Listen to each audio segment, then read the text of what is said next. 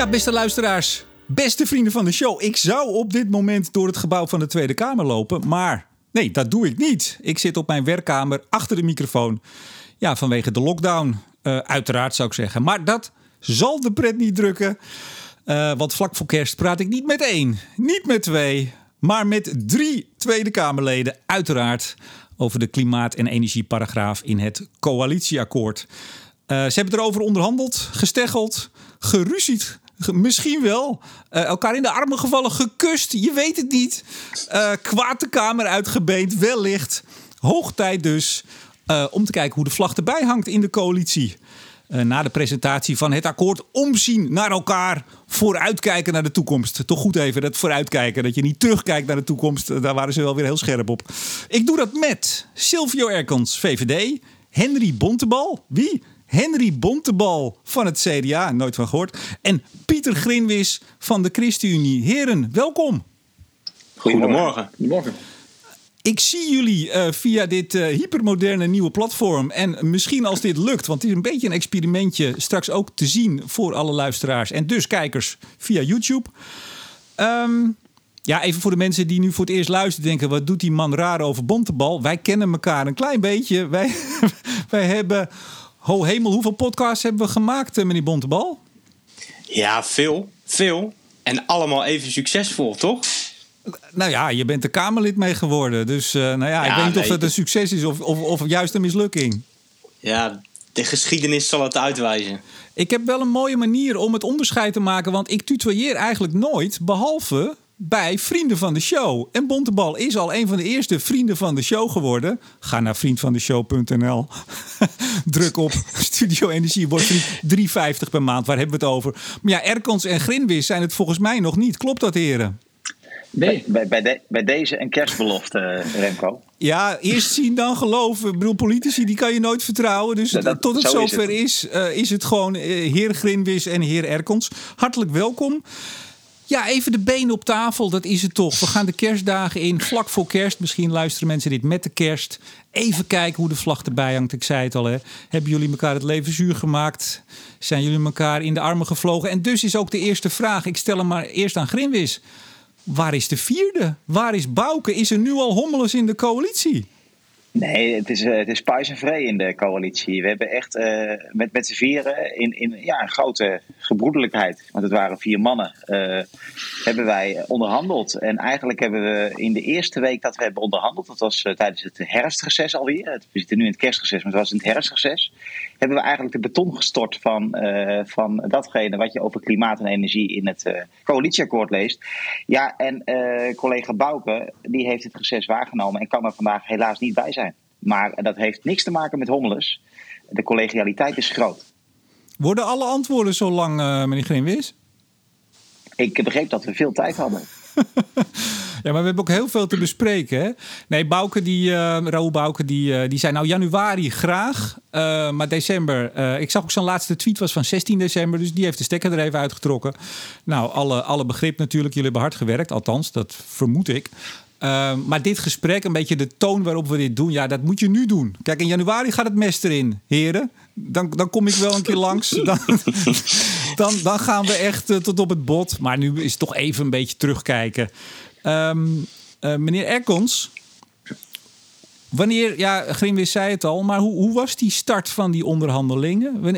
Letterlijk, de eerste dag, dan kom je elkaar in een kamer tegen. Hoe gaat zoiets? Praat ons bij.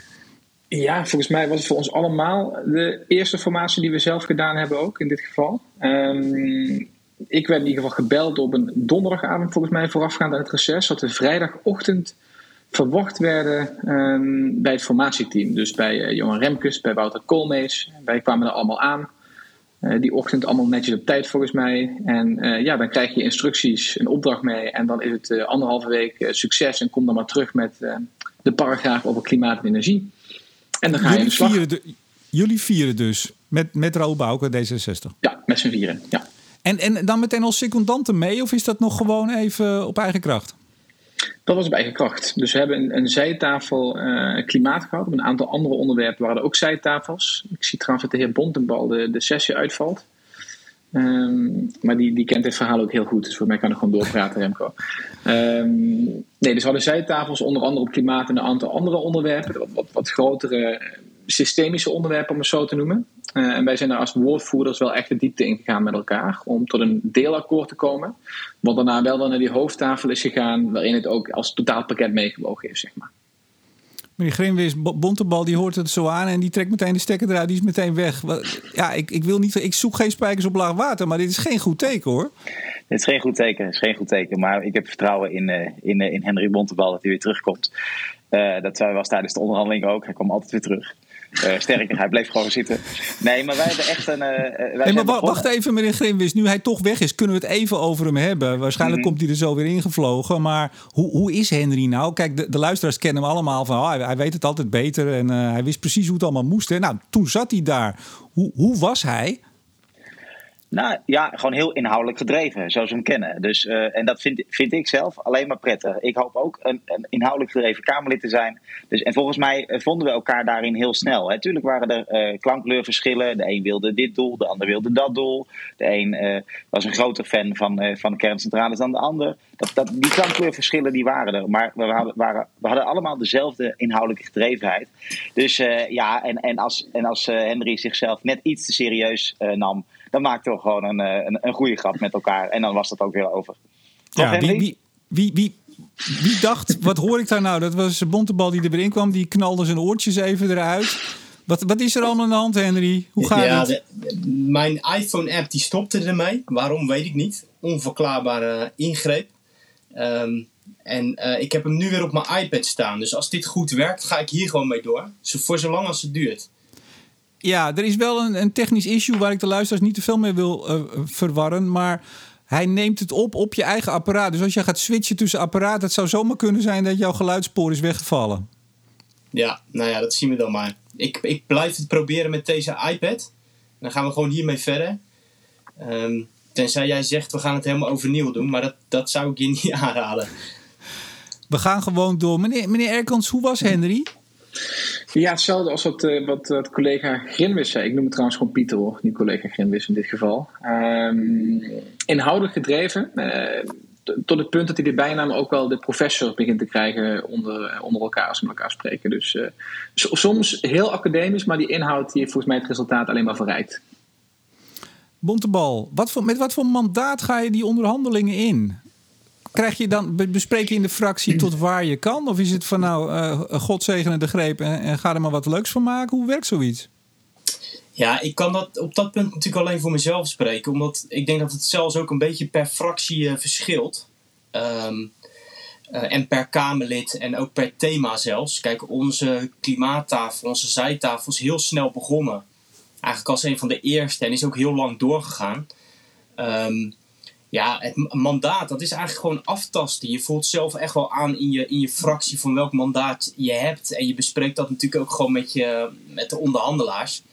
Um, um, en en ja, je voelt zelf aan of dingen, uh, um, ja, of dingen echt pijnpunten zijn. Of je daar afstemming uh, uh, moet zoeken. Dus dat is ook gewoon ja, een beetje politiek gevoel. Van wanneer moet ik zelf in de lucht komen als er echt iets spannend wordt. En je hebt natuurlijk gewoon binnen je binnen het formatieteam, zeg maar, met de eigen onderhandelaars, heb je natuurlijk regelmatig contact. Gewoon om af te stemmen van wat is vandaag gebeurd, wat gaan we morgen doen, uh, hoe zitten anderen in de film. Let hierop en hierop en hierop. Dus je geeft ook lijstjes mee of je krijgt terugkoppeling van hoe het aan de hoofdtafel is geweest. Dus zo werkt dat. Het is heel iteratief, elke dag weer een stapje en elk, heel veel terugkoppelingen en, en dingen meegeven. Uh, meneer Grimwis, zat u wel eens in de onderhandelingen dat u dacht bij een van de andere drie... nou, kom op zeg, heb je nou mandaat of niet? Dat is gewoon een open vraag. Uh, ja, dat heb ik wel eens gedacht. Maar ik ga verder geen namen noemen. Dat zou niet aardig zijn. Maar dat heb ik wel eens gedacht.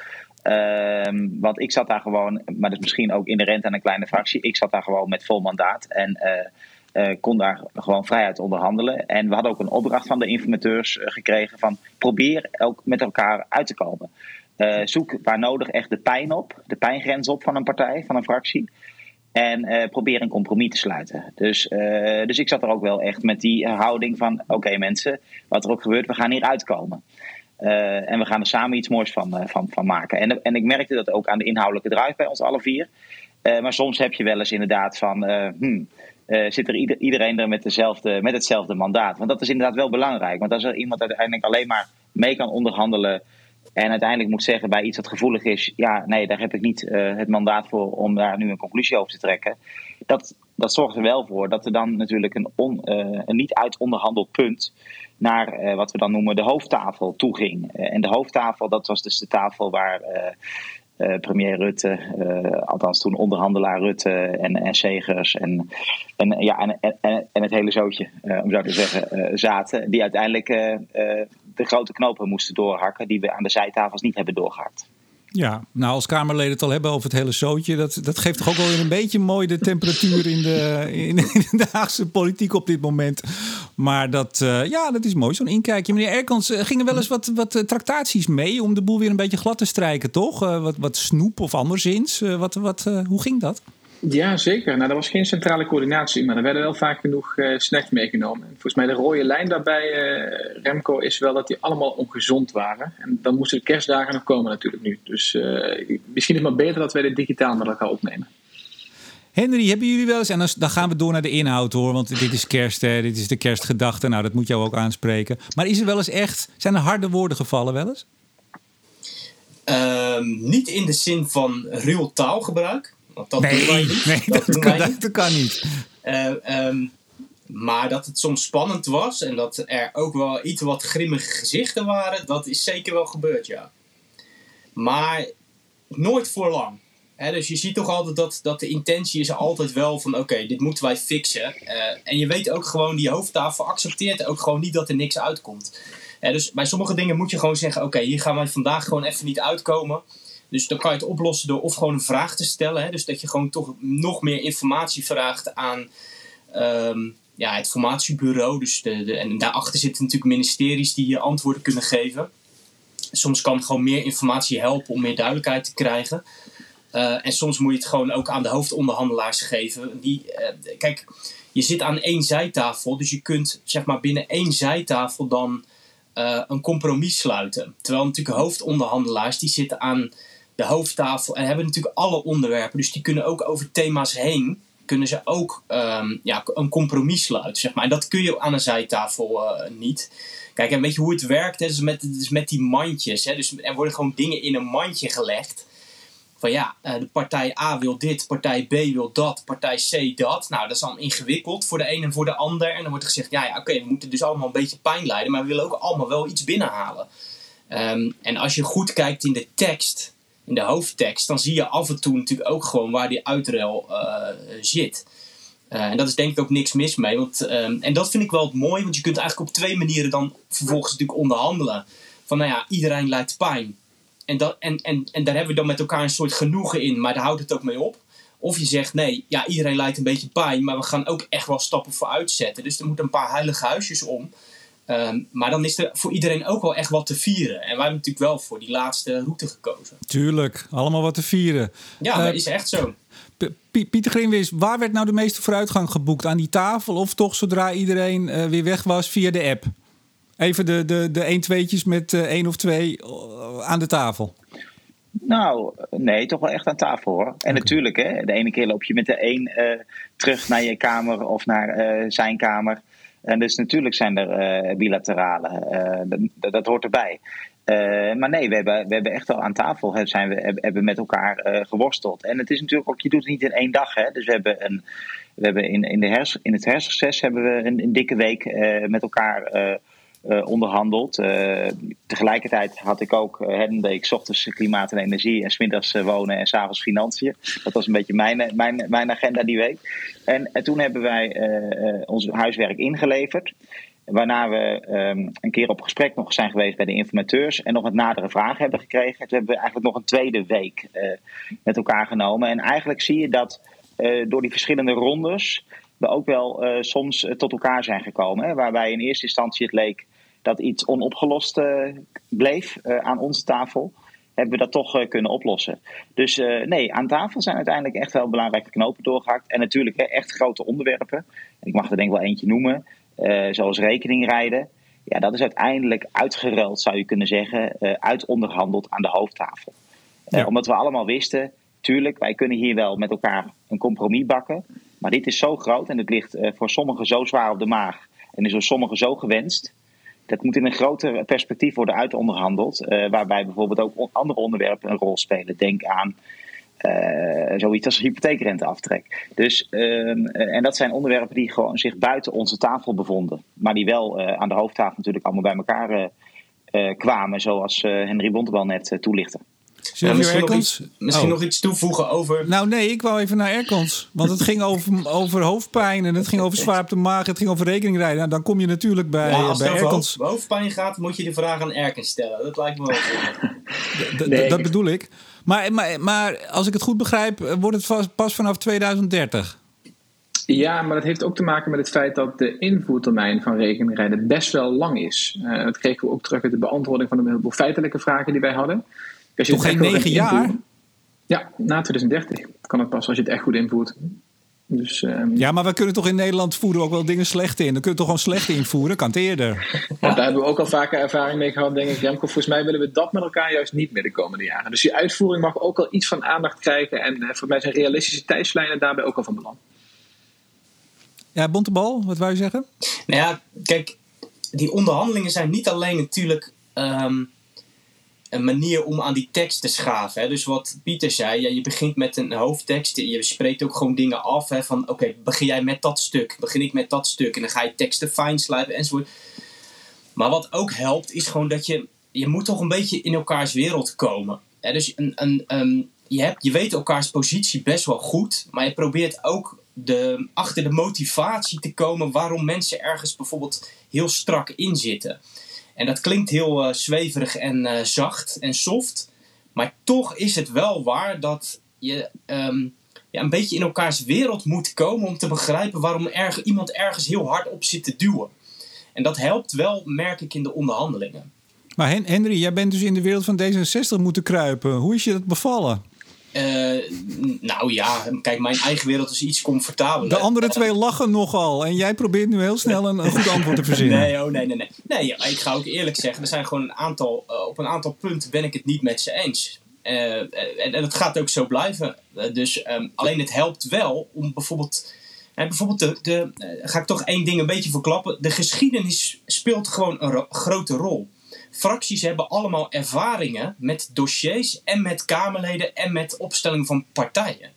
En je merkt gewoon dat dat in een, in een onderhandeling heel erg meespeelt. Want al heel snel komt het argument: ja, maar de afgelopen vier jaar is er A, B, C, D, E gebeurd.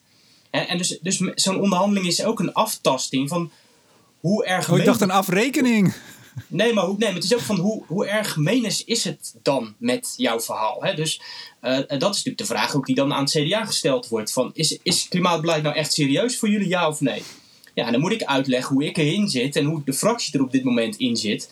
Ja, dat geldt natuurlijk voor de VVD ook. Uh, want, want ik ga ook niet ontkennen dat wij ook uh, het is geen uh, U-turn en ook geen 90 graden bocht. Maar wij, maken wij maken natuurlijk wel steeds ook andere accentverschillen. Daar zijn we ook in veranderd. Ik denk de VVD ook. En ik denk eerlijk gezegd dat de CU en D66 ook op een aantal punten wel veranderen. Dus je moet met elkaar ook een beetje recht proberen doen aan de geschiedenis die die partijen met elkaar hebben de afgelopen vier jaar. Ja, nou we zitten al bijna op de inhoud. Daar zijn we eigenlijk al bijna mee begonnen. Maar nog één vraag, uh, Pieter Grimwis. Wat was het moment en wanneer was dat Misschien kunt u het mooi omschrijven dat het echt was, ja, we zijn akkoord, het is klaar. Ons werk zit erop. Wanneer was dat? Poeh. Dat is, dat is een goeie. Ik, ik, de anderen mogen helpen eventueel, ja, als je niet nou, meer kijk, weet. Nee, maar ik, ik, ik, als ik er dan, uh, op terugkijk, dan denk ik echt aan het eind van die eerste uh, week dat we met elkaar uh, hebben onderhandeld. En we de, ons, ons huiswerk hebben ingeleverd aan de hoofdtafel. Dat was dus aan het eind van de herfstrecesweek. De herfstvakantieweek voor sommige anderen. Um, uh, toen hadden we toch echt wel de beton gestort. En natuurlijk waren er toen nog een aantal uh, PM'en, zoals we dat noemden. Dus een aantal uh, besluitpunten voor de, voor de beslispunten voor de, voor de hoofdtafel. Maar eigenlijk als je terugkijkt en je, je pakt het definitieve exemplaar van het coalitieakkoord erbij. Dan herken ik nog heel veel van wat we toen hebben ingeleverd. Echt, ik denk 80, 90 procent van wat we toen hadden opgeschreven, dat heeft ook de eindfase van, van half december gehaald. Dus, uh, dus eigenlijk is dat toch het beslissende moment geweest. En daarna is er nog, uh, zijn er vragen gekomen. Die hebben we met behulp van, van soms ambtelijke notities beantwoord. Soms hebben we teksten nog aangescherpt. Soms zijn die PM'en, dus de openliggende punten, zijn natuurlijk ingevuld aan de, aan de hoofdtafel. Maar in essentie is toch, denk ik, die donderdag, vrijdag van het herfstreces. toen wij, vrijdag moesten wij toen ons huiswerk inleveren bij de hoofdtafel. Uh, toen is toch eigenlijk wel, dat was wel een beslissende moment, uh, denk ik, als ik zo terugkijk. En daarna is er nog veel gebeurd. Hè. Aan de financiële tafel moest bijvoorbeeld het geld worden, worden ingevuld. En moest geld gekoppeld worden aan, uh, aan maatregelen en, en, en, en, en tonnen mega, of megatonnen CO2-reductie, et cetera. Dat zijn allemaal nog operaties van daarna geweest. Maar in essentie was toch de herfstrecesweek, en dat zeg ik in deze kerstrecesweek, was toch beslissend. Silvio Erkans, um, eigenlijk ging het dus best vlot als ik het zo hoor. Klopt dat? Ja, dat, ben ik wel eens met Pieter. Um, ik denk dat in die eerste week dat we daar eigenlijk 90% van de tekst op klimaat en energie, 90% van het beleid, dat we daar het wel met elkaar over eens zijn geworden. En wat er natuurlijk overblijft, zoals Pieter aangeeft, zijn een beetje de, de meest gevoelige punten. Um, en dat heeft Henry net ook uitgelegd. Het is logisch dat je die uiteindelijk op een hoofdtafel uh, laat uitruilen, zodat je ook een uitruil kan doen over dossiers heen. Maar misschien zaten er voor of voor ChristenUnie meer pijnpunten in dit dossier en voor CDA en D66 op andere dossiers. Dus die punten lagen ook niet echt bij onze zijtafel om die uit te ruilen. Maar wat dan vaak gebeurde was inderdaad na afloop, nou, neem aan met deze werkhypothese uh, dat we een bepaalde richting inslaan en ga dat met elkaar uitwerken. Hoe zou dat uitzien? Hoe zou dat moeten uitzien? Waarbij je toch het gevoel met elkaar krijgt van oké, we nemen hier eigenlijk een afslag met elkaar. We hakken niet definitief de knoop door. Maar de voorbereiding voor die definitieve uitruil wordt daarmee wel eigenlijk klaargezet. Um, dus ja, wat je merkt is eigenlijk, we kwamen steeds terug voor vervolgvragen. Maar die eerste week was wel het belangrijkste, denk ik. En het ging best goed, vlot uiteindelijk, denk ik wel. Die 90 procent, dat geloof ik al wel. Het gaat natuurlijk om die 10 procent. Sterker nog, het gaat om de laatste 1 procent. Daar uh, staat of valt alles mee. Nou, ja, dat, dat, wil ik toch bestrijden hoor. Dat, uh, dat wil ik toch bestrijden. Want wij hebben stukken, wij hebben onderdelen um, uh, van het energie- en klimaatbeleid. Hebben wij gewoon zonder uh, PM. Dus zonder dat het hoofdtafel eigenlijk nog iets ervan hoefde te vinden. Behalve dan dat ze onze tekst natuurlijk moesten overnemen. En onze, uh, en, onze punten. Uh, zijn, hebben we zonder PM naar de, naar, de, naar de hoofdtafel gestuurd. Ik mag misschien wel verklappen. Bijvoorbeeld het onderdeel gebouwde omgeving toch best wel een gevoelig punt de afgelopen jaren. Met, uh, met uh, de, de afdronk van het klimaatakkoord was, van een paar jaar geleden was... oh, we moeten allemaal van gas los en uh, dat moet allemaal uh, standtepeden, et cetera. Er zijn, waren nou, ook dat, dat riep uw partij ook om, meneer Grimwis. Dus dat is niet zozeer een beeld, dat is echt, zo was het ook. Oké, okay. Hoe dat ook zij. Hoe dat ook zij. Uh, dat is een gevoelig onderwerp. En als je kijkt uh, van wat daar nu staat, hè, met het Nationaal Isolatieprogramma, uh, met inzet op hybride warmtepompen, met wel onrendabele toppen van warmtenetten affinancieren, daar waar nodig om daar ook vaart te maken, dan zie je toch dat we best wel ferme stappen zetten. Nuchter, realistisch, maar ook ambitieus. Uh, en dat zonder dat er eigenlijk verschil van mening was tussen de vier fracties. En dat dit zo naar de hoofdtafel is gegaan. En dit staat gewoon uh, ja, integraal in het coalitieakkoord. Denk ik van nee, het gaat niet alleen maar om die, die laatste ene procent van nog, nog te betwiste punten. En uit te onderhandelen punten. Dit soort onderdelen zetten gewoon van begin af aan niet alleen goed op ons netvlies. Maar goed in het akkoord. En hebben gewoon ongeschonden de eindstreep gehaald. En dat is toch wel van betekenis wat mij betreft. Henry, toen ik begon te lezen, toen het coalitieakkoord die ochtend werd gepresenteerd. En ik las het dan even diagonaal. Toen dacht ik, uh, Bontebal heeft het in zijn eentje zitten schrijven. Ik zag groene industriepolitiek. Ik zag de hybride warmtepomp. Alles waar jij maar onze oeverloos mee lastig viel al die jaren in de podcast. Heb je het in je eentje zitten schrijven? Nee. Nee, maar dat is ook echt niet waar. Um, ja, kijk, ik ga het ook niet verbloemen dat ik gewoon wel trots ben over wat erin staat. En dat ik ook wel echt denk dat er veel in staat van uh, inderdaad wat ik de afgelopen jaren geroepen heb. En ook in onze klimaatvisie staat.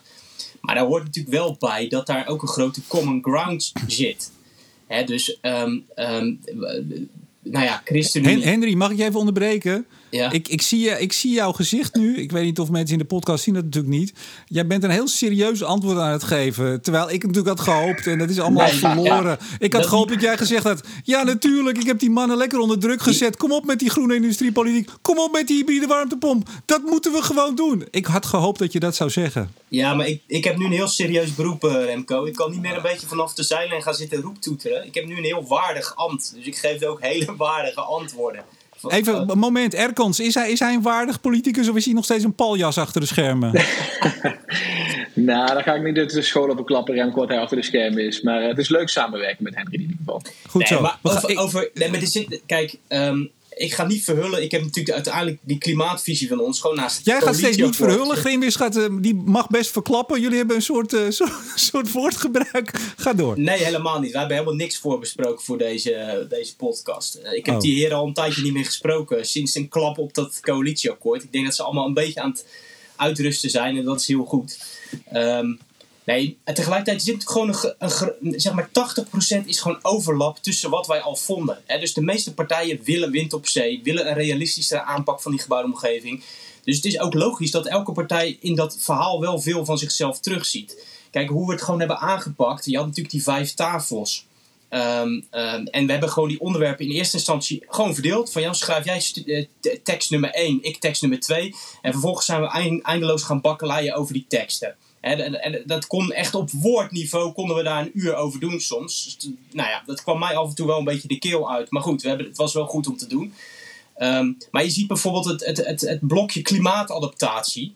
Daar zie je gewoon de hand van de heer Grimwis in. Eh, omdat hij dat als eerste geschreven heeft. En wij zijn daar vervolgens op, eh, op gaan voortborduren. Nou ja, groene industriepolitiek, daar ben ik natuurlijk mee bezig geweest. De kernenergie, zie je de hand van, van, eh, van Erkens zie je daarin. Wind op zee zie je de hand van Bouke in. Dus ehm, iedereen heeft daar gewoon zijn, zijn input geleverd. En op al die teksten zijn we gaan voortborduren. En dan nog een slag en nog een slag. En ja, PM'tjes opruimen. Dat is wel precies wat... wat Pieter zegt, die in het begin heb je nog een hele lijst met, met onopgeloste punten. En naarmate je verder komt in het proces, probeer je een aantal van die PM's te, te slechten. En eh, dan blijft er een heel beperkt aantal over. En dan eh, is het eindspel eh, aan de hoofdtafel. Kan ik Goed daar zo, iets we aan gaan toevoegen even- nog, eh, Remco? Eh, nee. Nee. ja, jawel, jawel. Ja, ik, ik durf bijna niks meer te vragen dadelijk in de show hier. Dus eh, hoe word je vriend van de show? Dat is gewoon luisteren naar jou, toch? Dus, nee, Uiteraard. misschien, misschien wat Henry zegt. Hè. Dus, dus ik denk, wat je wel merkte is dat ehm, er wel consensus begon te ontstaan op een heleboel onderwerpen. En ik denk daarom dat het ook wel relatief soepel ging op veel onderwerpen. Om die 90% eh, om daar overeenstemming op te vinden.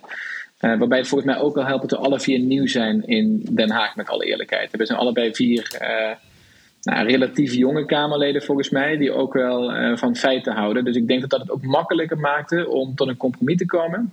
Dan wanneer je toch eh, nou, gepokt en gemazeld al 15 jaar een bepaald standpunt aanhangt. En daarop natuurlijk moet gaan draaien. Dat is een stuk moeilijker, eh, vergeleken met toch relatief vier frisse ehm, nou, ma- mannenbroeders, zoals eh, collega Grinnemis het noemde wat dat betreft. Want er Ja, waren maar weinig pas op. vrouwen aan Ja, de tafel. Ja. ja, juist, juist eh, mannenbroeder Grimwis, dat is een, eh, een, een, een oude vos, zou ik bijna zeggen. Die, die heeft al zoveel gedaan in Den Haag. Dat mensen denken, oh, wat een frisse, fris gezicht. Dat heeft hij ook. Maar die loopt al zo lang mee. Dat is een rasonderhandelaar. Die weet waar Abraham de mosterd haalt, meneer Grimwis. Ja, dat laat ik aan anderen. Dat laat ik aan anderen. Maar ja, ik, we hebben allemaal een arbeidsverleden. En dat van mij ligt deels in Den Haag, inderdaad. Een Eh, arbeidsverleden. in, in politiek eh, Den Haag. Ja, zo, zo, zo, zo is dat. Heren. vlak, vlak, vlak Henry Ja. Wonderbal ook niet uit. Hè? Die heeft ook in politiek Den Haag rondgelopen. Maar nee, dat, dat klopt. Ik- Ja, het was niet van lange duur hoor. Die was na twee jaar alweer weg. Ze hebben dat ook wel tegen mij gebruikt om mij aan verschillende tafels tegelijk te zetten, waardoor ik mijn aandacht, aandacht moest verdelen. Dus daar, daarmee werd mijn onderhandelingskracht toch enigszins eh, Eh, Ho, maar ja, ho, dat- ho, ho. Nee, nee, nee, nee. Zo zat het niet, eh, meneer. eh. Oh, zo zat het niet. Oké. Nee, er was één iemand die zat eigenlijk zo goed aan alle tafels. En dat was meneer Grimwis. Dus die had een voorkennis waar je u tegen zegt. En ehm, dat heeft hij ook heel slim ingezet. Maar ik zal eerlijk zijn, ik heb hem nooit kunnen betrappen op een misbruik van die positie. Dat zal ik ook eerlijk toegeven. Heren, we gaan de inhoud in. Toch nog even. De kerst komt eraan. Ik zie jullie allemaal in feestelijke kersttruien met kerstversiering. Eh, echt fantastisch. Dus we gaan nog wel toch even een paar puntjes langs. Lijkt me goed. Ehm, nou, minister van eh, Klimaat en Energie, wie wordt dat? We, we zaten aan jou te denken, Remco. Nou, Ben- ik eigenlijk ook wel. Dus dat is dat rond. Dan hebben we dat afgetikt. Ehm, onafhankelijk wetenschappelijk adviesraad. Uit wiens koker komt dat? Was dat Bontebal en dat eh, de andere heren het meteen fantastisch vonden of niet? Nou, ik zal niet verhullen dat dit een punt inderdaad is waar ik eh, hard op heb zitten duwen. Het stond in onze klimaatvisie.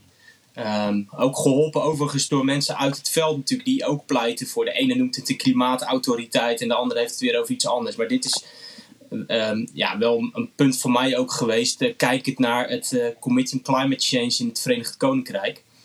Um, dus ik wil ook gewoon graag een meer onafhankelijke wetenschappelijke blik op het klimaatbeleid. Heb je toch het PBL? Ja, maar die, die doen het niet. Die, die kun je niet belasten met die overall blik, vind ik. Hè? Dus dat zijn toch meer de, de rekenmeesters die uiteindelijk straks dingen moeten doorrekenen. Maar ik denk dat het goed is als er een, een, een, een, ja, een commissie uh, komt die gewoon ook uh, om de zoveel tijd gewoon het onafhankelijk het, het, het klimaatbeleid evalueert en uh, advies geeft hoe dat beter, beter kan. Maar dat doet toch het, meneer Grimwis, dat doet toch het PBL?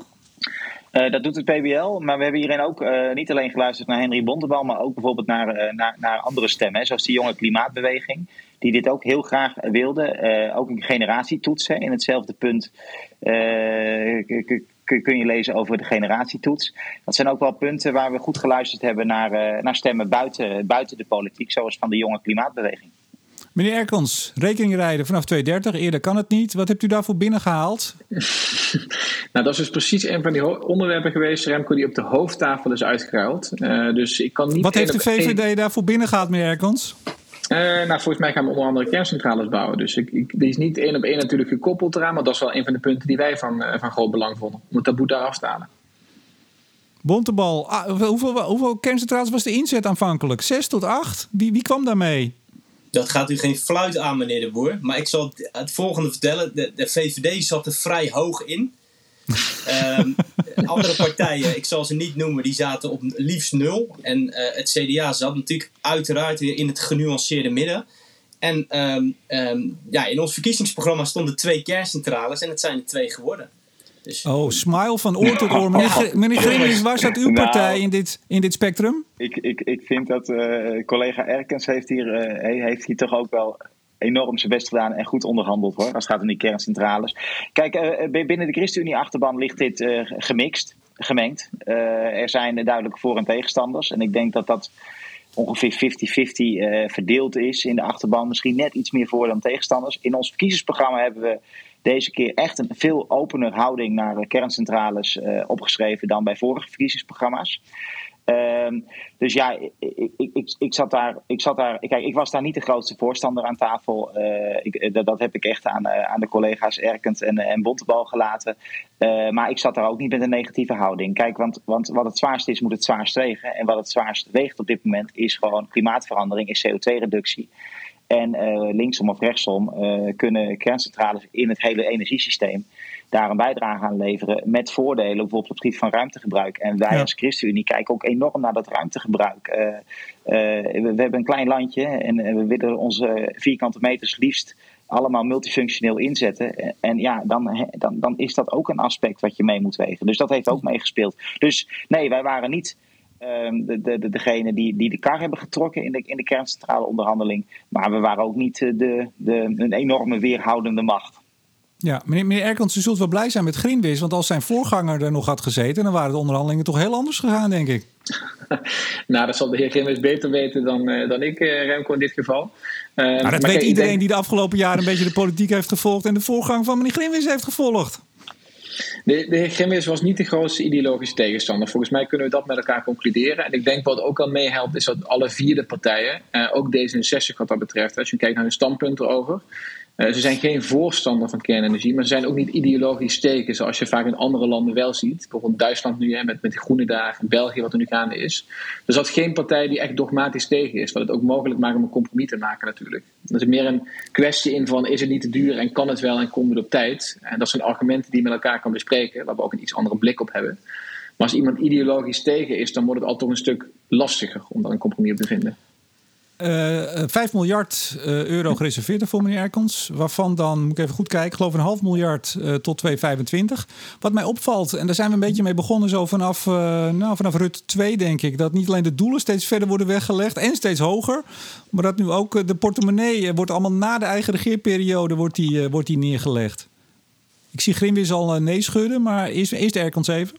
Ja, nou, dat, dat, dat, klopt deels, denk ik. Dus de heer Grimwels kan uh, als ook financieel woordvoerder volgens mij dadelijk iets meer de technicalities ingaan van hoe het precies werkt, hoe die, die budgetten boekt op jaar en of je daadwerkelijk dan ook voor de komende regering inboekt of als je dat nu al doet. Volgens mij zit er best een nuancering in, maar daar kan Pieter beter over vertellen.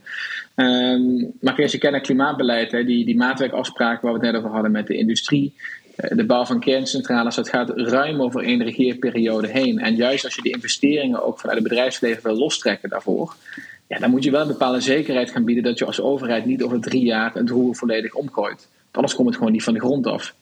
Um, dus ja, maar als er een nieuwe coalitie komt, uh, sorry mhm. meneer Erkens, als er een nieuwe coalitie komt die zegt wij zien het helemaal niet zitten, nou dan verandert het toch weer. Ik ga, ik ga even naar Grinwis. Maar klopt mijn beeld dus niet dat we vroeger kabinetten hadden, die maakten een programma voor vier jaar, die deden daar wat centjes bij en dan gingen ze aan de slag. En dat we de afgelopen paar kabinetten steeds meer zien, dat het steeds verder wordt weggelegd. Klopt mijn beeld niet? Nou, dat, dat beeld klopt wel deels. Alleen uh, bij de, energie, kijk, de, energietransitie, er zijn ook nog niet zoveel kabinetten mee bezig. En eigenlijk moet je de energietransitie vergelijken met wat we bij het ministerie van Infrastructuur en Waterstaat al jarenlang doen, al decennia doen. Namelijk uh, gebaseerd op begrotingsfondsen, het Mobiliteitsfonds en het Deltafonds, uh, investeringen doen in de fysieke ruimte. En dat gaat via een systematiek hè, van, van, eh, van, van verkenning, midverkenning, eh, planuitwerking en realisatie.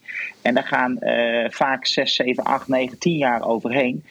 Van, de eerste, van de eerste verkenning tot uiteindelijk de realisatie. En we weten gewoon dat in de realisatiefase, die aan het eind is, is, in het, is het in, in, in, het, land van infrastructuur 85%, 90% van de uitgaven zijn in die fase. En heel veel uh, inspanningen in het kader van de energietransitie zijn fysieke, uh, zijn fysieke ingrepen. Uh, die je dus pas in de praktijk zal zien na deze kabinetsperiode. En in die fase geef je het meeste geld uit. Ja. Dus het is logisch, bijvoorbeeld voor kerncentrales, uh, en even af, uh, er moet nog bekeken worden welke vorm het wordt. Hè, of het een staatsdeelneming wordt of een andere, uh, een andere vorm van, van deelname. Maar je, het is logisch dat je deze kabinetsperiode zeg een tiende van het bedrag uitgeeft. En na de kabinetsperiode 90 procent omdat het logisch is dat je pas aan het eind van de jaren 20 echt de schop de grond in hebt. En niet in deze kabinetsperiode. Dus het is, je moet het meer vergelijken eigenlijk met het infrastructurele domein en het waterstaatsdomein, waar we dit al jarenlang gewoon zijn. En daarom zie je ook een klimaat- en transitiefonds van 35 miljard voor de komende 10 jaar. Dat strekt zich echt uit over langere, langere perioden, want het gaat om ingrepen in de fysieke ruimte. En we weten allemaal dat als je gaat graven in, in de fysieke uh, leefomgeving, dat gaat niet van vandaag op morgen. Ja, maar even uh, Bontbal. Uh, de, de, de, vergelijking gaat voor een deel uh, natuurlijk wel mank. Want uh, over het algemeen over dijken, Delta-programma, daar zijn we het over het algemeen toch redelijk eens. Daar is ook weinig discussie over geweest. Als we uiteindelijk gaan, gaan uitvoeren. Maar die kerncentrales, dat is natuurlijk niet waar. Als er straks kabinet Klaver 1, want die komt eraan, dat weet je ook. Als kabinet Klaver 1 er straks staat uh, zeer progressief, die, die, die knallen gewoon die kerncentrales er weer uit. dus in die zin leggen jullie het wel een beetje ver weg. Hoe garandeer je nou dat er twee kerncentrales komen? Jouw achterban wil twee kerncentrales. Die van Grim is, die wil er acht of zes. Geef de garantie maar. Komen ze er? Nou ja, kijk, um, volgens mij hebben wij met deze coalitie, met dit coalitieakkoord, uh, kabinet Klaver 1 overbodig gemaakt. Um, dus dat, dat is het goede nieuws, denk ik. Um, en ja, weet je, dit, is, dit, dit kun je voor elke, elke uh, regeer-coalitieakkoord zeggen. Hè? Dus dan kun je ook voor rekening rijden zeggen van alles wat uh, na de regeerperiode uh, um, komt, daarvan, daar kan een kabinet een streep door, of daar kan een volgend kabinet een streep doorheen zetten. Daar doe je niks aan. Zo werkt dat nu eenmaal gewoon in de politiek. Tenzij we ervoor kiezen om niet om de vier jaar, maar om de, om de twintig jaar verkiezingen te hebben. Nee, maar Henry, maar sorry, ik onderbreek je even. Henry, Even, ik, ik zei het net, een serieus punt. Uh, met dit onderwerp, energie en klimaat, gaat het over ja. meer dan bij andere onderwerpen tot nu toe. Infrastructuur is er één, inderdaad. Wegen aanleggen, dat is ook zoiets. Ja. Maar dan heb je het wel bijna zo'n beetje gehad. Dit zijn uh, hoog politiek gevoelige onderwerpen. Waarbij uh, een nieuw kabinet, wat van een andere kleur, een andere signatuur is, heel andere keuzes kan maken. Zeker. Dus het wordt wel pregnanter dan het op andere dossiers is en was. Dat klopt, maar ik ben er ook weer niet heel erg bang voor. Want ik denk hoe verder de uh, energietransitie komt, hoe meer we doordrongen zijn van de noodzaak dat als we hoge doelen hebben, dat we niet aan uh, bepaalde opties ontkomen. Uh, dus ik, ik durf zelfs te wetten dat een volgend kabinet, ook al zit GroenLinks daarin, die gaan dit niet terug durven draaien als ze ook gewoon gaan rekenen. En dus als datzelfde kabinet gaat uitrekenen wat er nodig is om ambitieuze klimaatdoelen te halen, dan, dan, dan zullen ze die, ook die nieuwe kerncentrales niet gaan schrappen. In de tweede plaats, kijk, wat het volgende kabinet gewoon, wat het nieuwe kabinet moet gaan doen, is natuurlijk wel dat hele pad gewoon gaan inlopen. Het is dus niet zo dat we, dat we natuurlijk niks gaan doen. Dus we gaan alle voorbereidende stappen zetten om dingen voor elkaar te krijgen. Dus je gaat ook wel een pad in waar je gewoon moeilijk uitkomt, omdat je gewoon hele concrete stappen doet. Je gaat Ja. vergunningen geven, je gaat tenders uitschrijven. Het klimaatfonds staat gewoon straks eh, klaar. Dus ik ben daar niet zo eh, eh, benauwd voor. Ik hoop vooral dat we echt in Q1 van 2022, als, als het kabinet op het bordes heeft gestaan, dat we gewoon gigantisch snel uit de startblokken gaan. Ik zag nog Ja. een mooi artikeltje van collega. Nee, nee, nee. Erkens. Ik kijk op de tijd. ik ga je onderbreken. actie, want, en. Erkans wil even iets toevoegen. Erkans. Nee, ja, om toe te voegen aan collega Gilles en Bontebal ook. Kijk, ik denk dat, dat al het beleid, ehm, het is niet alleen INW denk ik hoor, maar ook als je kijkt naar andere dossiers die in het verleden ook heel politiek waren, die zijn misschien nu een stuk minder politiek geworden. Hè? Ik bedoel, het, het, eh, het- ons hele zorgsysteem, eh, onze sociale zekerheid, ja, dat, wij zijn er al decennia lang aan gewend geraakt dat het structureel is en niet meer eh, afgeschaft wordt, zeg maar. Maar dat was het op die momenten natuurlijk niet. En al het beleid dat een regering inzet wat dat betreft, ook als je geen geld reserveert daarvoor, trekt natuurlijk wel structureel door. Eh, je bent er wel verantwoordelijk voor als een volgende regering. Dus, dus dat is de eerste. Het is een soort van mammoetanker die je ook heel moeilijk weer 180 graden kan laten draaien. En het tweede punt wat eh, collega Bontenbal ook terecht zei, is kijk rondom die kerncentrale bijvoorbeeld. We hebben nu drie jaar de tijd om dit volledig te gaan concretiseren. En echt te zorgen dat er een soort ja, een pad ingezet wordt, waar je ook moeilijk van afkomt als volgende regering. Dat is heel kort, drie Dus die kosten worden daar hoger door ook. Kort hoor, drie jaar. Maar Remco, mag ik nog toch twee, twee korte dingen hierover, twee dingen Al kort heel kort dan hoor. Ja, één, eh, natuurlijk, hè, eh, we zijn ons bewust dat, dat het in de toekomst kan veranderen. En daarom is het ook zaak dat dit kabinet, in ieder geval als het gaat om wetgeving, vergunningverlening, zoveel mogelijk in de kabinetsperiode voor elkaar bokst. Want als we bijvoorbeeld een bepaalde wetgeving die fundamenteel is, eh, niet binnen de, de scope van de kabinetsperiode kunnen vaststellen, ja, dan, dan, dan gaat het risico op eh, wat u net schetst. En het andere is ehm, dat wij echt langjarig willen gaan programmeren. Dat is een kenmerk van het, bijvoorbeeld het Deltafonds. Voor heel lange termijn eh, staan daar gewoon eh, het wijktraject, om zo te zeggen, geprogrammeerd om aangepakt te worden, om versterkt te worden. Op U hebt bij de Delta-commissaris gewerkt, even voor de goede orde, voor de luisteraars. Ja, Daarom nee, is dat zeker. ook een kindje natuurlijk. Zeker, zeker, zeker. Ik heb dat tot vervelens toe ook tegen mijn collega's gezegd. Meerjarig, langjarig programmeren. Eh, maar e- e- echt alle gekheid op een stokje. Dit is echt van levensbelang, ook voor bedrijven, voor de marktsector. Om bijvoorbeeld personeel te durven aannemen en te durven opleiden. Omdat je niet het risico loopt dat over twee, drie, vier jaar, als het kabinet stopt, bepaalde geldstromen of subsidies ophouden. Maar dat het gewoon langer doorgaat. Als je weet dat je over acht, negen jaar nog steeds op een bepaalde investeringsstroom van de Rijksoverheid kunt rekenen, dan durf je nu ook personeel eh, eh, eh, aan te nemen en op te leiden als je het kunt vinden. Dat is natuurlijk ook een zoektocht. Maar als je het, eh, die zekerheid hebt, dan durf je ook die stap te zetten. En als je die zekerheid niet hebt, dan weet je zeker dat die stap niet wordt gezet. Dus ik denk Ja. ook toch dat dit een belangrijke sleutel is. eh, en dat het veel verder gaat dan die paar jaar dat dit kabinet zal zitten. Zo, dat was Bontebal even om de hoek. Sorry. Ehm, maar, maar, maar goed, eh, in, de- in, de, in, de, in de kerstsfeer ga ik hier niet eh, nog eens op door. Hoewel ik één opmerking zal maken. We hebben natuurlijk, kijk, het is natuurlijk een wel een bijzondere situatie dat er nu dezelfde vier partijen doorgaan. Maar we hebben ook in de afgelopen kabinetsperiode gezien dat zelfs toen het klimaatakkoord getekend was, waar toch hoe lang, anderhalf, twee jaar bijna over gesteggeld was, dat de inkt was nog niet droog. Eh, en, en er waren bepaalde sectoren die rekenden op dat ze aan de bak gingen en konden en moesten. En die konden vervolgens weer in hun hok gaan zitten. We hebben het bijvoorbeeld over biomassa, meneer Grimwis. En dan kijk ik meneer Bouke, die er nu niet is, maar even niet aan. Dus bedoel, het is prachtig. Laten we het daar ook even bij houden. De intenties zijn mooi, langjarig. Eh, ik ken nog een, een oud-Kamerlid, Samsom, die geloof ik in 2009 notities schreef. Er moest langjarig stabiel beleid komen. Nou, dat hebben we gezien. Ja, maar eh, sorry. Kijk, ik, ik snap, ik snap ik, tuurlijk, eh, ik snap de, de gereserveerdheid. Maar eh, er is nog nooit een kabinet geweest, nooit een coalitieakkoord geweest. wat een klimaat- en, transitiefonds met 35 miljard eh, neerzet. Hè? Eh, er is nog nooit eh, zo'n eh, coalitieakkoord geweest met zo uitgebreid, per eh, deelonderwerp ook uitgeschreven van welke richting we opgaan.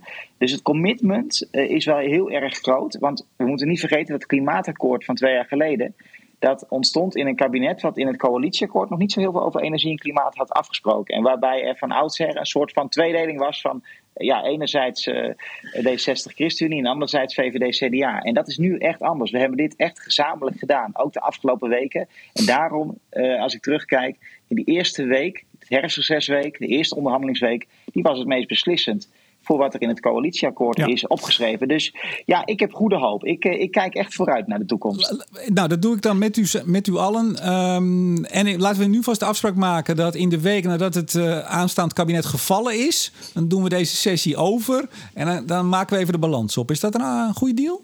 Ben ik altijd voor in. Prima. Goed zo. We gaan nog even heel kort, voordat ik u vraag, alle drie, hoe we toch in hemelsnaam gaan zorgen dat we voldoende gas hebben en het licht aanlaten. Dat weet u vast. U, u, u staat te popelen om aan de slag te gaan, dus u weet dat. Daar, daar sluiten we mee af. Maar even, uh, alle drie, één vraag. Het, het, het, de liefdesbaby die erin staat. Ik begin met Bontebal. Waarvan zeg je, nou, hier ben ik echt het meest trots op. Er kwam al wat langs net natuurlijk, maar als ik er eentje uit moet kiezen, wat is het? Nou, ik heb heel erg geknokt voor dat verhaal over groene industriepolitiek. Geconcretiseerd in maatwerkafspraken met die grootste uh, uitstoters. In combinatie met het Klimaatfonds. Dus dat wij echt de industrie gaan vergroenen. En stoppen met het bestje van de industrie. Maar naast hen gaan staan. Omdat, we, omdat daar de kansen liggen voor verduurzaming. Ik ben heel blij dat dat in het akkoord staat. En ik heb daarvoor geknokt. Je weet dat er geen, jullie hebben geen meerderheid in de Eerste Kamer. Is dat nog, uh, speelt dat nog een rol hierbij? Nou, wat mij betreft niet. Um, ik, hoop dat ze hun verstand, ik hoop dat ze hun verstand gebruiken en gewoon zien dat het een goed verhaal is. Het zou heel cynisch zijn als zij uh, dit soort dingen gaan torpederen. Pra prachtig voorbeeld. Ik, vind, ik wil dit toch even met de luisteraars delen. Dat we gewoon een coalitie hebben die geen meerderheid heeft in de Eerste Kamer. Zeggen, nou ja, dat zal dan wel. Ik bedoel, wij zijn lekker bezig en ze, ze zullen wel tot inkeer komen. Terwijl, meneer Erkons, we hebben toch gezien dat de Eerste Kamer uh, eerder politieker is geworden, om het zo maar te zeggen, de afgelopen jaren dan minder. Maar goed, die geef ik jullie ook. Het is kerst, alles is fantastisch. De bellen klingen, klingen. En we zetten straks nog een lekkere gluwijn op. Meneer Erkons, wat is uw liefdesbaby? Ja, ik denk wel de nucleaire liefdesbaby wat dat betreft, Remco. Het feit dat we het taboe van kernenergie afhalen, terwijl Duitsland en België er nu uitstappen. Volgens mij is dat wel echt iets waar we, waar we trots op kunnen zijn met elkaar. Um, en hebben we nog een heleboel andere kleine punten, maar ik zal, ik zal niet de laatste 14 minuten van deze show vol praten daarmee. Ja, maar, maar het is toch eigenlijk even serieus. Het is toch bizar dat nou ja, deze week tot, tot volgende week gaan er drie dicht. Ze zijn al aan het afschalen in, uh, in, in, in uh, Duitsland. 4 gigawatt. Uh, 4000 megawatt voor de, de niet, niet, niet bekende, bekende met het woord giga. Uh, volgend jaar nog vier, de laatste vier, 8 gigawatt gaat eraf. Nou, de Belgen, nou ja, daar weet je het maar nooit mee natuurlijk. Straks gaan ze bijbouwen, je weet het niet. Maar het idee is toch dat die binnen een paar jaar er ook af liggen. En dan gaan wij twee nieuwe neerzetten. Welkom in Europa. Het is, het is bizar. En, en volgens mij, ja, je zei het ook al, we komen er dadelijk nog op terug. Hè? Hoe gaan we de komende jaren onszelf van voldoende energie voorzien? Ik maak me er wel zorgen om. Gegeven alle keuzes die we in West-Europa met elkaar maken. Ja, daar heb, ik zal trouwens even zeggen, we hebben inderdaad nog maar een paar minuten, want ik zit op een fantastisch nieuw platform, maar dan zit ik nog in mijn proefperiode. Ik dacht, ik ga het eerst even proberen met de mannen. Dus ik, ik zit gewoon aan een uur vast en er is al wat van opgesnoept, dus we moeten haast maken. Meneer Grim is uw liefdesbaby. Nou, ik heb onderhandeld uh, met voor ogen uh, die alleenstaande moeder met haar kinderen in een, uh, in een slecht geïsoleerde woning, tochtig, vochtig. En uh, ik vind heel belangrijk bij alle mooie dingen die we doen voor uh, groene industrie, uh, met groene industriepolitiek en andere zaken, dat ook gewoon de mensen, gewoon de burgers het moeten kunnen meemaken. En ik ben heel blij daarom met het Nationale Isolatieprogramma en de impuls voor hybride warmtepompen van bij elkaar opgeteld meer dan 4 miljard euro extra. En dat gaat echt, denk ik, verschil maken in, het levens, in de levens van gewone mensen, van gewone huishoudens, die dit echt mee moeten kunnen maken. En niet bang uh, moeten worden van oei, oei, alles wordt duurder. Duurzaam is vooral een ander woord voor duur. Nee, wij gaan nu echt naast mensen staan, uh, mensen helpen om, om te zorgen voor zo min mogelijk gedoe. En zometeen een lekker comfortabel huis waar je prettig kunt wonen. En daar ben ik heel blij mee. Het lijkt de VVD wel. Ik hoor allemaal VVD-teksten van uh, nou, de vorige periode. Geen... Ja, meneer Grimwis heeft zich laten inspireren door mij de laatste weken. Dat merkt u. Ja, uh... nou, nou, ja, ik, ik kan toch. Nou, ik kan hier wel. Uh, kijk, ik laat me graag inspireren door, door Silvio en door Henry en door Raoul. Maar ik ben hier als, als raadslid al mee bezig geweest. En, ik, en, en, als Kamerlid heb ik dit direct opgepakt. En ik ben heel blij dat, dat, dat, dit met stip in het, in het, in het coalitieakkoord staat. Heel goed. Tot, tot slot toch serieus. Bontebal. Um, kamervraag gesteld, ik geloof gisteren. Um, een, een, pakketje Of, uh, of de, de staatssecretaris het ook niet. Uh, of, of die ook niet vindt dat er paniek is op de markten. Nou, die is er gewoon. Dat, dat, hierbij. Laat ik dat vast even meegeven. Even serieus. waar, waar zijn we beland? en hoe gaan we hier in hemelsnaam uitkomen? Ja, ik maak me echt heel veel zorgen. En dat, ik, ik kijk, die, die, die set schriftelijke vragen van mij, dat is natuurlijk ook een poging om überhaupt aan de burelen op de Bezuidenhoutse weg uh, voor elkaar te krijgen dat ze dit heel serieus nemen. En ik ben bezig met nog een set schriftelijke vragen. Maar ja, dat is natuurlijk een poging voor mij als Kamerlid om daar druk op te zetten.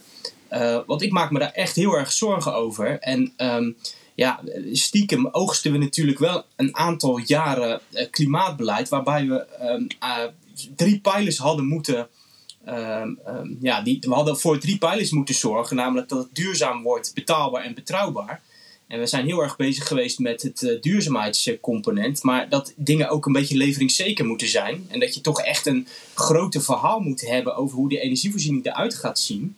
Ja, dat is gewoon niet goed gegaan. En daar... Maar wat gaan we nu doen daaraan? Nou ja, ik, ik, ik heb natuurlijk mijn hoofd daarover gebroken. Kijk, voor de korte termijn ga je gewoon niet zoveel kunnen doen. Dat is natuurlijk het hele pijnlijke, denk ik. Tenzij ze nog een aantal dingen uit de hoge hoed toveren. Maar goed, op de iets wat langere termijn moet je wel een aantal ingrepen uh, doen.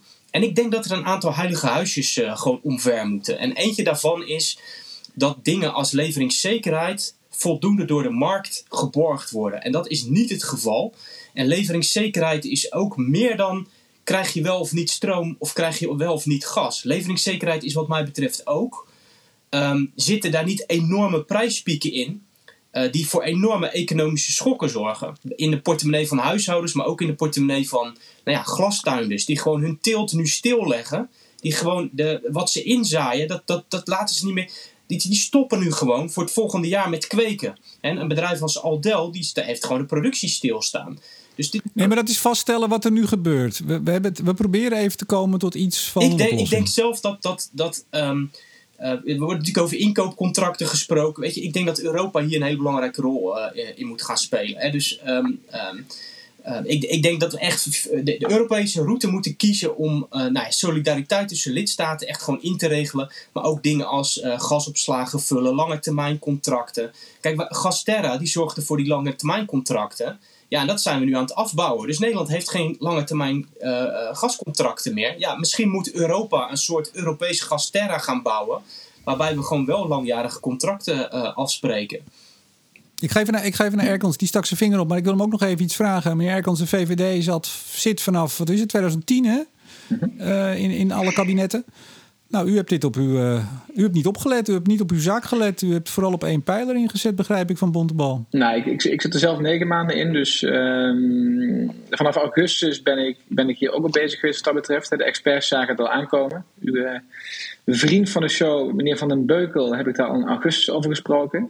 En je merkt wel dat wat dat betreft de, ja, de, de overheid op dit vlak um, toch deels is zitten slapen. Ik, ik, deel die constatering wel. En ik denk dat dat komt. Mag, mag ik u even onderbreken? Zeker. U zegt nu nadrukkelijk de overheid. Uh, ik zou zeggen de politiek. En ook de Tweede Kamer. En ook de VVD-fractie. U bent uh, eerst met de PvdA... Uh, in Polonaise gaan lopen. Ik overdrijf het even. Um, en, uh, en, en daarna bent u met uh, de vrienden van de ChristenUnie en uh, D66 en, en CDA uiteraard. Bontbal die kijkt nu naar beneden. Die denkt, nou, hier, hier doe ik even niet mee. Maar ook het CDA natuurlijk. Um, maar kunnen we dat inderdaad nu even vaststellen hier met z'n vieren... dat de, de, de politiek het dus gewoon heeft laten liggen... leveringszekerheid en betaalbaarheid? Grimwis die knikt al. Maar het is toch heel treurig? Nee, maar even, dat is toch ik, ik vind het eigenlijk zo bijzonder hoe. Uh, oh, nu is uh, Erkans, die, die is van, van het scherm af en uit de geluidsverbinding. Dat is wel een heel makkelijk moment. of pardon, Erkans. Meneer Grimwis, hoe kan dit? Nou ja, ja, enerzijds, net als uh, collega Erkens zit ik hier ook nog maar negen maanden. Maar dit is gewoon, ja, dit is gewoon, dit is in die zin gewoon de falen van, van de Nederlandse politiek. Dat we onbegrijpelijke reden heel erg met duurzaamheid bezig zijn gegaan. En overigens ook niet altijd even goed. Hè? Denk aan hoe bijvoorbeeld nu in de SDE het geld wordt uitgegeven aan vooral CCS en zon op dak. En dat warmteprojecten, aardwarmte, geothermieprojecten, uh, die de glastuinbouw met name nodig heeft op dit moment geen aanspraak maken op subsidie, omdat ze qua uh, kosteneffectiviteit net, net naast de pot uh, piezen, om zo te zeggen. Ja, ik vind dat onverteerbaar, want iedere tuinder die je nu spreekt, die had het liefst natuurlijk op, op aardwarmte, op geothermie gezeten, in plaats van afhankelijk te zijn geweest van, van aardgas. Ja, dus dat moet heel snel veranderen. Dat moet heel snel veranderen. Ja? Oh, ik, ik wou zeggen, mag ik erop wijzen dat uw voorganger op een gegeven moment zich tegen geothermie keerde? Want er waren toch wel risico's aan. Het was wel heel erg duur. We konden beter naar aquathermie. Toch even een stukje langjarig stabiel overheidsbeleid en politieke keuzes. Dus bedoel, dat, dat is altijd wel verklaarbaar. Nogmaals, mede door, door uw partij, die eh, op een gegeven moment ook niet meer stond te springen om geothermie. Kijk, eh, het allerbelangrijkste is stabiel overheidsbeleid. Daar zal ik me voor inzetten. Uh, tegelijkertijd, dit, dit is, dit is, er is geen ideale oplossing. Ik bedoel, als, als mensen actief zijn, als er economische activiteit is en we hebben energie nodig, dan zijn er altijd voordelen en nadelen aan. Dat, dat moeten we gewoon onder ogen zien. Maar dat wil niet zeggen dat als ergens een nadeel aan, zit, dat je dan maar bij voorbaat moet inleveren en moet doorschakelen naar de volgende nog veelbelovende technologie. Nee, we hebben alles nodig. En zeker aardwarmte is in de glastuinbouw en ook denk ik in de gebouwde omgeving een hele, een hele, goede, een hele goede energiebron. Die zeker, in deze tijden, die zeker in deze tijden waar de aardgasprijs ontploft en er paniek is op de energiemarkt. Ja, de, nou, dan kan ik alleen maar constateren dat heel veel glastuinders uh, met, met, met liefde op, uh, op aardwarmte hadden gezeten in plaats van op aardgas. Heel goed. Meneer Erkans, u, u vloog eruit. Ik zeg dat was een mooi moment. Dat was precies het goede moment om even uw snor te drukken. Dus, uh, maar we hebben nu geen tijd meer. Heel slim gedaan weer. Altijd VVD. ik, heel slim. Uh, ik, ik, ben graag beschikbaar om hier een uur over door te praten. Onze verantwoordelijkheid voor alles, uh, meneer de Boer. Goed dus, zo. We, ga, we, gaan, we gaan afronden. Henry, jij moet weer uit de Kamer uit volgende week. Ja. En dan word je hopelijk in januari weer, weer beëdigd. Ja, ik probeer het record te vestigen van het meest geïnstalleerde Kamerlid. Dus ik ga voor mijn derde keer proberen. Heel goed. Ik wens jou daar succes bij. Heren, ik wens jullie allemaal heel veel succes de komende jaren. Ik kom graag langs om echt uh, de inhoud in te gaan. Dit was toch even een beetje een, uh, een korte vingeroefening. Veel dank. Fijne kerstdagen, fijne dagen. Uh, jaarwisseling, et cetera. Niet te veel vuurwerk, Bontebal, kijk uit. Niet doen. Um, Sylvia Erkans, VVD. Henry Bontebal, CDA. Pieter Grinwis, ChristenUnie. Hartelijk dank, heren. En uiteraard bedank ik jullie, beste luisteraars en beste vrienden van de show, voor het luisteren. Mijn naam is Remco de Boer. Graag tot de volgende keer.